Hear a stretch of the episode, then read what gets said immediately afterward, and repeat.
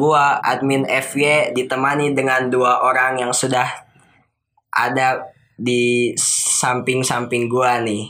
Dua orang tersebut yang akhir-akhir kemarin mungkin absen gara-gara ada sesuatu kali ini bisa hadir menemani hari-hari kalian. Ya, silahkan perkenalkan diri kalian. Eh, saya admin KHR. Ini podcast saya yang ketiga ya kalau nggak salah. Ya, ketiga. Ya, saya admin FAH. Oke. Eh, jadi gini, kemarin-kemarin ini banyak yang bingung gitu. Liverpool semenjak se- selepas pandemi dan juga selepas juara itu performanya mulai menurun nih. Nah, menurut gua performa menurun Liverpool sehabis juara dan pandemi ini ada andil besar dari keras sifat keras kepalanya Klopp. Nah, menurut tanggapan kalian sendiri nih, eh, kenapa akhir-akhir ini Liverpool mainnya mulai menurun dan nggak konsisten seperti sebelum pandemi dan sebelum juara? Coba FAH. Ya, mungkin ya karena habis juara mereka juga habis pesta besar gitu ya. Mungkin itu Hmm. juga membuat fisik para pemain menurun drastis gitu. Dikarenakan yang biasanya menjaga pola makan dan kebiasaan-kebiasaannya dalam satu waktu langsung dibuat pesta. Mungkin itu juga merupakan salah satu alasan yang besar yang Hmm. menyebabkan performa Liverpool itu langsung menurun. Kalau KHR sendiri penyebab dan tanggapan lu apa nih Eh. performa Liverpool yang nurun ini? Ya tadi kan kata FH benar gitu. Eh, ini tambahan aja nih ya. Eh, mungkin eh, Liverpool sekarang kan udah tenang gitu. Kalau sebelum-sebelum liga dilanjutin kan masih tegang, masih apa? Juga belum 100% bisa juara. Terus waktu Chelsea apa? Chelsea menang ya? Waktu Eh, City kalah. Wah, iya waktu City kalah lawan Chelsea. Waktu City kalau lawan Chelsea, Liverpool itu udah pasti udah 100% juara jadi tenang gitu. Jadi ya apa pun hasilnya di pertandingan-pertandingan selanjutnya ya gak akan ngaruh sama posisi Liverpool di puncak klasemen. Iya sih, yang gua lihat kayak keinginan Liverpool untuk memenangkan pertandingan tuh nggak se menggebu-gebunya itu sebelum pandemi dan sebelum juara gitu yang gua lihat terutama eh, para pemain mungkin mainnya udah mulai kayak nurunin intensitas. Gua jarang ngelihat Liverpool bermain dengan pressing-pressing tinggi, gegen pressing ala Jurgen Klopp itu dan mungkin faktor kecapean juga karena Klopp sangat jarang merotasi pemainnya walaupun sesudah juara. Nah, sekarang kita sambungin nih. Tanggapan kalian soal Klopp yang selalu nurunin full team. Padahal Liverpool udah juara gitu. Dan mereka nggak ada yang harus dikejar lagi gitu. Apakah bahkan kan mereka ingin ngejar 100 poinnya Manchester City apakah sepenting itukah? Menurut kalian kayak gimana? Silahkan siapa dulu? Eh, saya dulu aja ya. Eh, sebenarnya nih aneh juga nih kenapa Klopp nurunin eh, full tim padahal ya udah udah pasti juara sih sekarang. Jadi tinggal nurunin lapis kedua aja buat eh, nambah jam terbang mereka. Nah ini juga sih sebenarnya saya udah eh, gak, gak gitu apa gak gitu ngerti gitu apa maksud si Klopp ya mungkin emang gara-gara mau ngejar 100 poin itu atau gimana gitu ya sekian lah tanggapannya Ya tapi kan ya Liverpool juga sekarang udah nggak mungkin mencapai 100 poin. Ya seharusnya ya Liverpool bisa menurunkan lapis keduanya karena banyak potensi yang dipunya Liverpool itu. Daripada dicadangin terus mending dimainin lah. Kasihan para pemain mudanya. benar sih Eh, terlihat si Klopp ini udah lumayan kelihatan nih keras kepalanya sama kayak masa-masa waktu dia berada di Borussia Dortmund kelihatan waktu lawan Arsenal itu Van Dijk aja kecapean sehingga dipres sama si Reis Nelson aja udah nggak kuat nah kelihatan apalagi Van Dijk kan nggak pernah dirotasi takutnya nanti bakal banyak pemain yang tiba-tiba cedera cederanya itu panjang gara-gara ya eh, kecap kelelahan mereka juga nah kalau setuju kata kalian juga kalau misalnya Klopp ini kan harusnya sadar ya dari kekalahan-kekalahan match yang dia alami itu skuad mereka kelelahan dan kurang kurang gemuk lah istilahnya skuadnya. Nah seharusnya menjadi apa ya? Menjadi pelajaran bagi klub untuk memainkan lapis keduanya sehingga klub bisa melihat potensi-potensi pemain untuk ke depannya gitu. Eh, untuk musim depan yang bisa bertahan gitu. Nah kalau ngelihat eh kalau menurut kalian sendiri nih, emang si Liverpool ini Liverpool ini udah skuadnya udah cukup besar gitu kayak Manchester City yang udah komplit lapis satu sama lapis duanya atau masih banyak yang harus dibenahi lagi? Siapa? Silahkan FAH. Ya mungkin lapis satunya Liverpool sudah sangat kuat ya, tapi untuk lapis kedua masih terlalu jauh itu keseimbangan antara pemain lapis satu dan yang kedua. Contohnya aja ya nggak ada back yang setara buat pelapis pantai gitu. Di midfielder juga kadang kalau Jordan Henderson nggak main, kadang-kadang Liverpool tuh kerepotan mainnya. Nah, buat striker juga mungkin harus ada pengganti Firmino yang lebih sepadan lagi. Nah, ya sih eh, Liverpool kalau lapis pertamanya udah itu udah mantap. Eh, tinggal lapis keduanya tinggal dibenerin apalagi eh, kiper. Kiper kan waktu itu Adrian sempat blunder juga yang bikin Liverpool tersingkir dari UCL. Eh, ditambah lagi backnya butuh ada full back sama center back yang bisa imbangin eh, Robertson, Arnold sama Van Dijk sama Matip juga eh dan eh, paling terakhir depannya butuh apa pelapis Firmino yang benar-benar bisa nge apa nge backup perannya Firmino di lapangan di lapangan. Iya sih si Klopp ini mulai akhir-akhir ini mulai kelihatan keras kepalanya ya. Bahkan ada rumor yang bilang bahwa dia tuh gak bakal beli pemain musim ini gara-gara dia puas dengan squad musim ini gitu. Dan juga eh katanya Klopp tuh bakal beli pemain juga cuman yang gak bintang-bintang amat dan murah di bawah 50 juta euro gitu. Nah menurut gua ini benar-benar sebuah blunder dari klub sih yang nanti dampaknya juga bakal besar ke tim. Dilihat aja dari lapis 2 Liverpool yang yang sepadan menurut gua nggak terlalu ada gitu. Te- yang ngimbangin tren Alexander Arnold, Neko William juga nggak cukup. Yang ngimbangin perannya Hendo, Wijnaldum, Fabinho itu kan nggak cukup gitu di lapis duanya apalagi pemain depan dari lapis dua Liverpool juga kan nggak ada yang sebaik Mohamed Salah, Sadio Mane dan Roberto Firmino sih kalau misalnya Klopp ingin bermain seperti musim ini atau lebih baik dari musim ini, lebih baik membeli pemain untuk menambah kapasitas skuadnya supaya ya kita lihat aja lah Manchester Manchester City aja skuad lapis satu dan lapis duanya cukup berimbang eh, dibanding Liverpool. Oleh karena itu kekurangan Liverpool ini kayak gitu apalagi nanti kan mereka bakal main di berapa kompetisi coba kan eh, UCL, FA, Carabao gitu. Nah, ini sih yang harus benar-benar bisa diantisipasi sama klub kelelahan pemain, butuh rotasi gitu. Nah, menurut kalian nih pemain yang kayak apa sih yang dibutuhkan oleh klub gitu eh, untuk menambah amunisi skuad Liverpool ya menekan-neka aja gitu. eh ya inilah apa ya yang gayanya bisa ya sebenarnya Timo Werner sih waktu itu ya agak cocok juga sama Liverpool tapi ya gimana ditikung sama Chelsea eh jadi ya eh ini ya jadi tugas klub sama ma- eh, tugas apa jajaran pelatih sama manajemen harus benar-benar nyari pemain yang bisa nge-backup peran yang udah dijalanin sama eh, pemain-pemain yang Utama. utama gitu lah. Hmm. Eh, kalau misalnya ada nama pemain yang bisa lu sebutin nih Jim, kira-kira siapa yang bisa mengini- me- menjadi opsi untuk menambah amunisi baik di lini depan, lini tengah, lini belakang sampai kiper gitu. Hmm, kalau apa striker siapa ya? Paling eh siapa ya?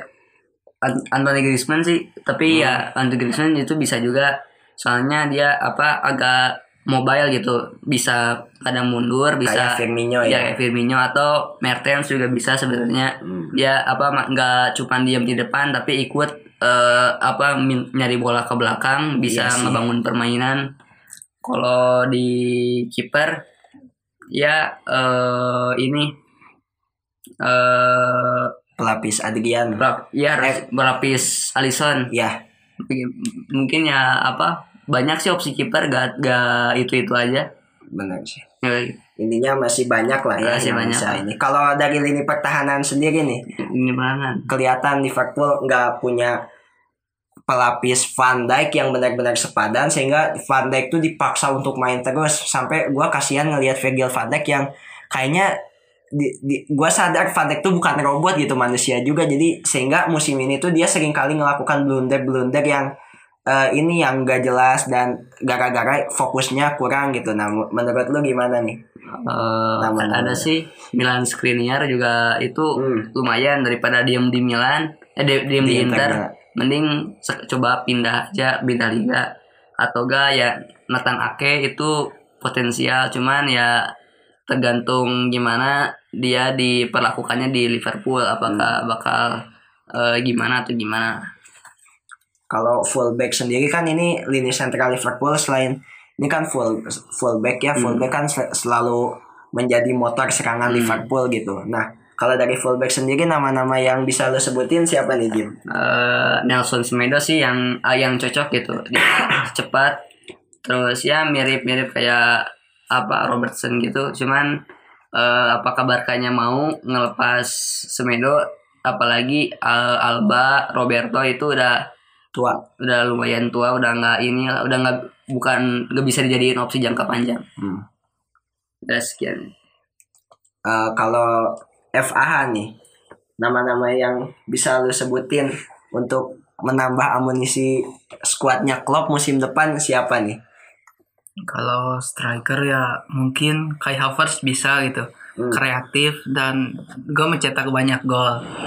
Mungkin kalau di area bertahan. Koulibaly bisa ataupun yang lain kan ya bisa aja cari di Liga Italia karena banyak pemain bertahan yang Hmm. potensial juga banyak pemain muda juga. Kalau wingback mungkin Tagliafico bisa Chilwell bisa karena ya sangat sering menyerang juga pemain-pemain itu itu Kalau lini tengah nih, di tengah ya kan Liverpool musim ini benar-benar kalau lawan tim yang pakai bus kewalahan gitu. Pastinya nanti musim depan mereka bakal banyak menemui tim yang pakai bus apalagi di IPL nah kelihatan kurangnya kreativitas dari Liverpool ini.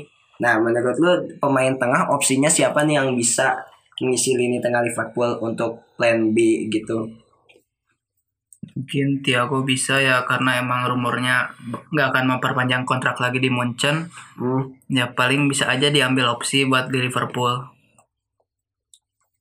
Oke, kalau dari gua sendiri nih eh, untuk pengganti lini depan, katanya kan rumornya si Klopp gak bakal ngeluarin uang banyak gitu kan. Kalau tadi kata KHR pasti si si Klopp bakal pasti eh, misalnya Liverpool ngeluarin uang buat Antoine Griezmann pasti uangnya bakal banyak kan. Nggak mungkin uang cuma 20 juta euro, 30 juta euro. nah, ada opsi yang lebih murah dan ini salah satu pemain favorit gua yaitu Wissam Ben Yedder. Nah ini benar-benar pemain kesukaan gua, apalagi gua tuh ingin lihat dia main di timnas Prancis. Eh, makanya ini bisa jadi opsi juga buat em, menambah amunisi dan untuk rotasi dengan Roberto Firmino.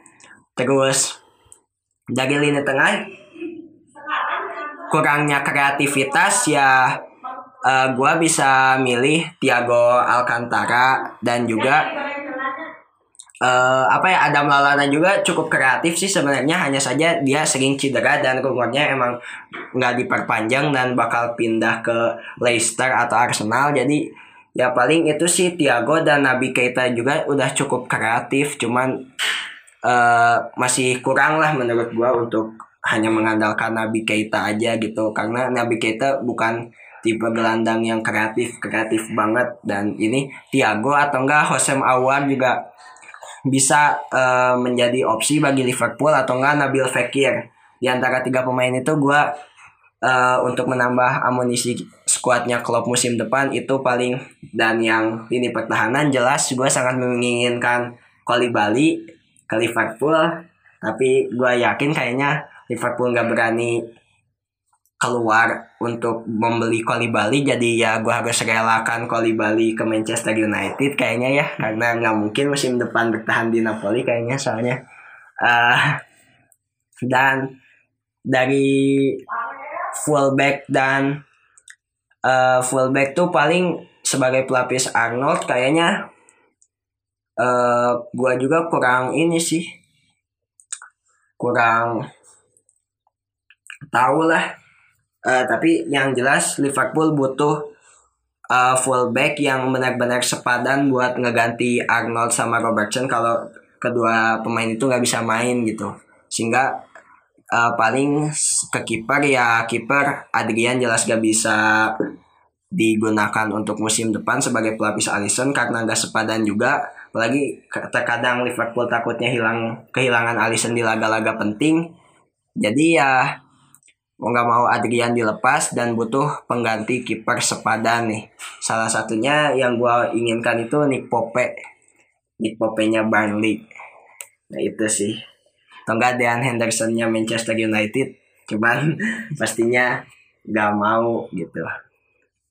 Itu sih paling eh, nah kalau dilihat nih dari beberapa laga sebelumnya apalagi kan lawan Arsenal itu kelihatan banget eh, betapa pemain Liverpool kecapean gitu. Sehingga sudah mulai kelihatan bagaimana si klub ini keras kepala. Dan menurut kalian nih andai kata klub benar-benar bersikukuh nggak bakal beli pemain terus keras kepala terus bertahan lama sih berapa sampai berapa lama sih dia bakal bertahan di Liverpool? Eh, ya menurut saya sih gara-gara apa karena musim kemarin udah dapetin UCL musim sekarang udah dapetin IPL nah itu pasti apalagi IPL nih pasti bakal dapet perlakuan khusus lah dari manajemen ya keterlaluan kalau sampai klub nggak inilah nggak nggak dihargai gitu. Karena udah dapetin udah ngebawa Liverpool dapetin dua gelar itu.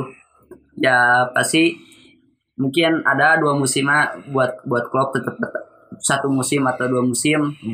Lihat buat klub bertahan di Liverpool dan ya bisa ngejar treble lah ini Tapi kalau iya gue mau tanya ke lu, kalau misalnya klub keras kepala gitu, terus nggak bakal beli pemain dan mempertahankan skuad yang gini-gini aja, kira-kira Liverpool bisa nggak juara IPL lagi untuk musim depan atau UEFA Champions League? ya kalau nggak benar-benar nggak beli pemain sama sekali ya susah buat musim depan pasti susah. Soalnya pasti eh, tim-tim lain udah tahu gimana karakter-karakter pemain Liverpool. Benar sih. udah tahu gimana apa komunikasi apa gimana mereka umpan-umpan passing-passing gitu gaya main mereka ya pasti udah susah buat dapetin gelar di musim depan. Kalau nggak di apa kalau nggak beli pemain sama sekali.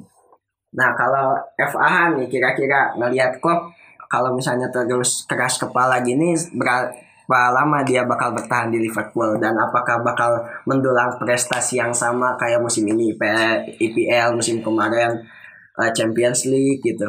Gimana? Kalau misalnya klub masih keras kepala ya mungkin musim depan adalah jawabannya apakah akan dilanjut atau diberhentikan. Meskipun ya udah menjuarai UCL ataupun IPL pun tapi kalau misalnya prestasi benar-benar langsung menurun bisa aja langsung diberhentikan. Ya misalnya kalau pemain-pemainnya benar-benar gak ada pengganti perubahan nanti juga skuad mereka yang akan kewalahan. Ya sih klub emang beruntung banget gara-gara pemainnya nggak terganggu cedera yang aneh-aneh musim ini sehingga mereka bisa survive di IPL gitu untuk musim ini. Tapi untuk musim depan kita nggak tahu apakah Liverpool akan ditimpa badai cedera atau tidak.